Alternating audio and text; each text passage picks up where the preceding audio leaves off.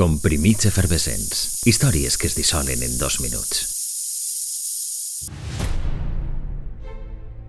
L'avanç de les empreses privades de missatgeria i sobretot l'espenta d'internet els han deixat pràcticament a la vora de l'extinció. No obstant, encara mantenen el seu espai d'aplicació i són, sobretot, objecte de desig de col·leccionistes.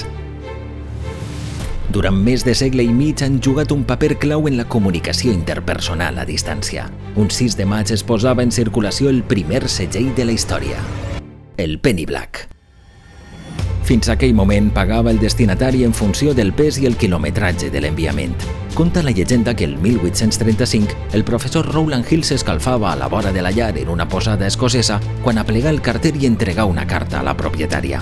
La dona va mirar el sobre amb deteniment i tot seguit li va demanar que el tornara al seu remitent. Hill, en un impuls de generositat, va decidir pagar el franqueig. En acomiadar el carter, la dona deixà el sobre damunt la taula i li agraïa el gest, però també li va explicar que en realitat aquell sobre no portava res dins. Li va contar que la seva família vivia lluny i que es comunicava amb ells per carta, però que havien acordat que cada membre de la família escrivira una part de la direcció. D'esta manera, sabrien que tots estaven bé sense gastar-se un cèntim.